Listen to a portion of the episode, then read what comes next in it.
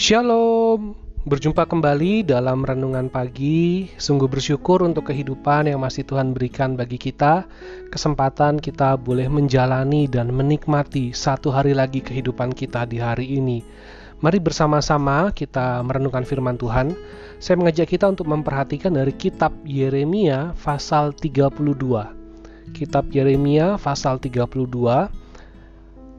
Mari kita memperhatikan keseluruhan pasal 32 ini, namun saya akan membacakan ayat 26 dan ayat 27 saja. Yeremia 32 ayat 26 dan 27. Firman Tuhan datang kepada Yeremia bunyinya, Sesungguhnya akulah Tuhan, Allah segala makhluk.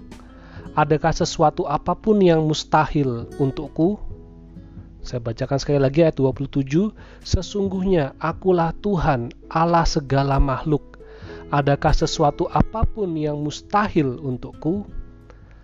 Pada pasal-pasal sebelumnya, beberapa kali kita bahas tentang rancangan Allah yang baik, rencana Allah yang sempurna, bagaimana Allah memberikan masa depan yang penuh harapan, janji Tuhan tentang umat Allah, umat kepunyaan Allah di masa yang akan datang di mana Tuhan akan memulihkan umat Israel menjadi umat kepunyaannya sendiri, umat yang memiliki hati yang taat kepada Tuhan.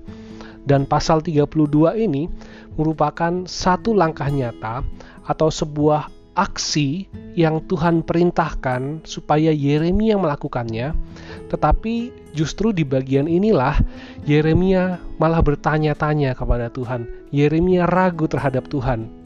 Untuk apa Tuhan? Untuk apa Tuhan? Untuk apa Tuhan? Itu yang ditanyakan oleh Yeremia. Apa yang membuat Yeremia ragu? Kalau kita perhatikan pasal 32 ini, yang membuat Yeremia ragu adalah kenyataan akan penghukuman Tuhan itu sudah ada di depan mata. Bahaya yang mengancam keberadaan Israel itu sudah terlihat dan semakin mendekat. Yeremia terus memberitakan tentang penghukuman Tuhan kepada kerajaan Yehuda, yaitu melalui kerajaan Babel, Raja Nebukadnezar. Dan benar memang, pasukan tentara Nebukadnezar sudah mendekat Yeremia melihatnya bahwa sudah ada tembok-tembok yang mengepung Israel. Israel sudah pasti hancur. Dan mendengar Tuhan memberikan satu perintah kepada Yeremia, melakukan yang Tuhan perintahkan, bagi Yeremia itu terasa sia-sia. Percuma saja Tuhan, toh kerajaan ini tetap hancur sesuai dengan rencanamu. Semua tetap akan porak-poranda. Dan yang aku lakukan itu tidak akan berguna Tuhan. Mungkin itu yang dilakukan atau yang diucapkan oleh Yeremia. Karena Yeremia merasa bahwa dilakukan atau tidak dilakukan tidak akan memberi dampak di masa itu dan sudah pasti di masa depan Yeremia juga tidak akan melihatnya lagi.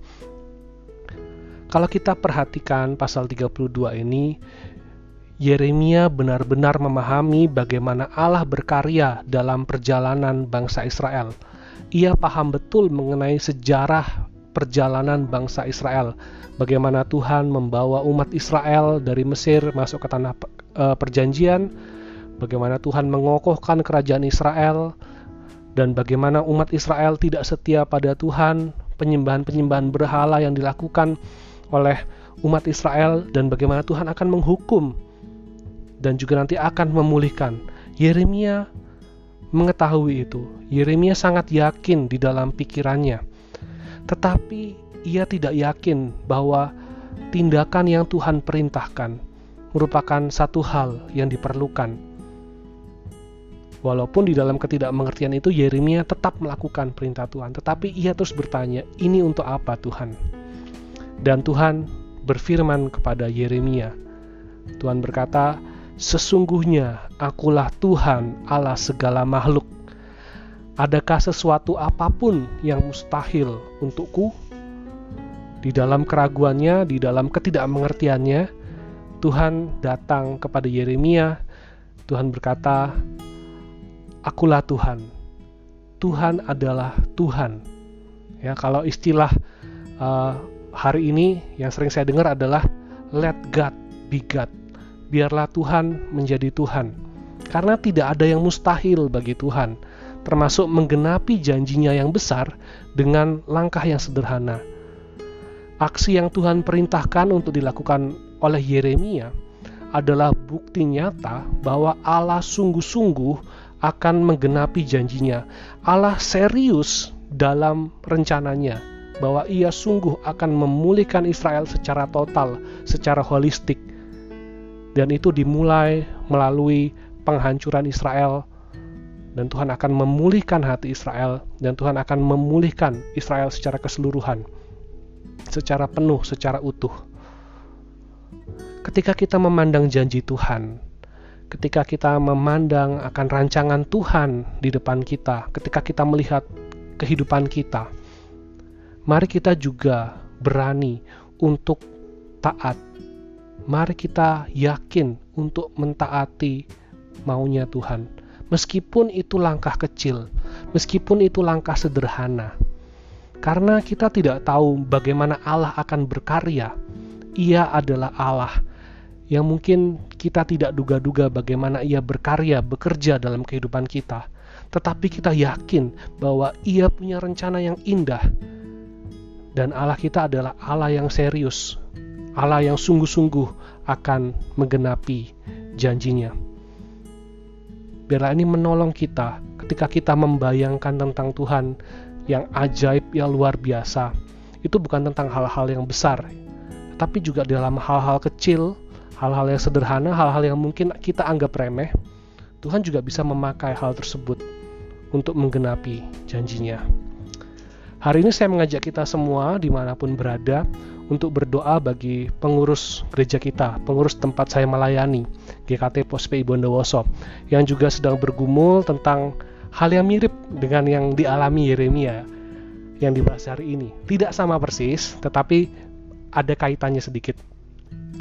Uh, mari kita bersama-sama berdoa, kita bersyukur untuk firman Tuhan yang boleh kita renungkan bersama hari ini dan juga saya mengajak kita untuk berdoa untuk pengurus dari tempat saya melayani GKT Pospi Bondowoso. Mari bersama kita berdoa. Bapa di surga, kami sungguh bersyukur untuk firman-Mu yang boleh terus mengingatkan kami bahwa Engkau adalah Allah yang sungguh luar biasa, Allah dari segala makhluk, Tuhan yang benar, yang dapat melakukan segala perkara. Tidak ada yang mustahil bagimu ya Tuhan. Kami sungguh bersyukur dan biarlah kami ya Tuhan boleh menjalani kehidupan kami taat kepadamu, percaya dan bersandar pada rancanganmu, rencanamu indah bagi kami. Dan secara khusus ya Tuhan, kami juga memberdoa di hari ini untuk pengurus dari GKT Pospe Bondowoso dalam pergumulannya, dalam kerinduannya, dalam beban yang sudah Tuhan berikan di dalam mengembangkan pelayanan di gereja Tuhan di GKT Puspai Bondowoso ini. Kiranya Tuhan memberikan hikmat, Tuhan memberikan hati di dalam pergumulan yang sedang digumuli bersama, dalam proses-proses yang akan dijalani, di dalam kerjasama-kerjasama yang akan dilakukan. Biarlah tangan Tuhan boleh menuntun, hikmat Tuhan boleh memampukan setiap pengurus untuk menjalankan apa yang sedang dipergumulkan di hari ini. Kami juga menyerahkan ya Tuhan untuk segala proses-proses yang akan dilakukan. Biarlah Tuhan yang memimpin dan biarlah kami boleh melihat akan rencana Tuhan. Dan biarlah kami juga boleh terlibat dalam hal-hal kecil yang mungkin bisa kami lakukan. Biarlah kami boleh memandang itu sebagai rencana Tuhan yang indah dan kami mau mengambil langkah kecil untuk terlibat di dalam pelayananmu. Terima kasih ya Bapak, kami sungguh bersyukur juga menyerahkan untuk kehidupan setiap kami. Bila kami terus bersandar pada rencana Tuhan, bila kami boleh melakukan aksi-aksi kecil yang seturut dengan kehendakmu dan bila ketaatan kami itu juga boleh menolong kami untuk melihat bahwa Allah yang besar mampu berkarya dalam segala hal. Terima kasih ya Tuhan, kami sungguh bersyukur menyerahkan kehidupan kami sepanjang hari ini di dalam pimpinan dan pertolonganmu. Dalam nama Tuhan Yesus kami berdoa. Amin. Selamat pagi, selamat beraktivitas. Tuhan Yesus memberkati.